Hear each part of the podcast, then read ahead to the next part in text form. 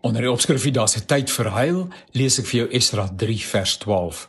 Baie van die oueres onder die priesters, die leviete en die familiehoofde wat nog die eerste tempel geken het, het hardop aan die huil gegaan toe hulle sien hoe die fondamente van hierdie tempel gelê word. Aangrypende gedeelte in Esra hoofstuk 3. Lees gerus ook Haggai 2.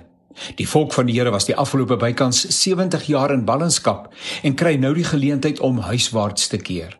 Anders as sy voorganger, die Babiloniese koning, gee die koning van Persië die vlugtelinge die opsie om terug te keer na Jerusalem en die heiligdom te herbou.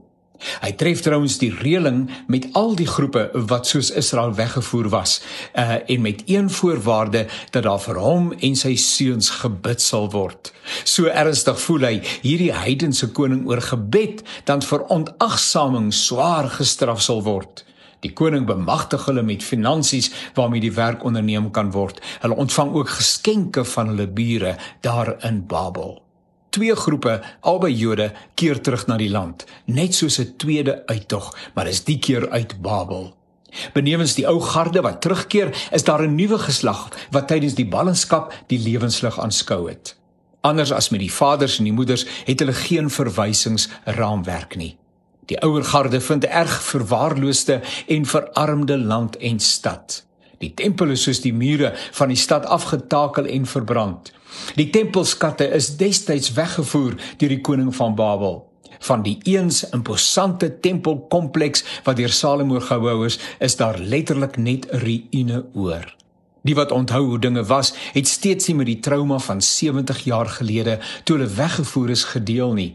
Die fondasie van die tweede tempel, net 'n afskynsel van die eertydse glorie, herinner hulle herinner hulle aan die pyn en die verleentheid, die ongemak en die swaar kry van die verlede. Dit gee aanleiding tot 'n gehuil en 'n gekerm soos lank nie gehoor is nie. Dit moet eers gesond word hier binne voordat hulle kan aansluit by die lofuitinge van die nuwe geslag. Hulle moet vir eens en vir altyd afskeid neem van iets wat nooit weer sal wees nie. Die era is vir altyd verby. Dit help nie om te hunker en te droom oor dit wat nie herstel gaan word nie. Huil is gepas. Huil is terapeuties. Huil bring genesing. Huil is bevrydend. Is daar iets wat vir altyd verby is en waaroor jy moet huil?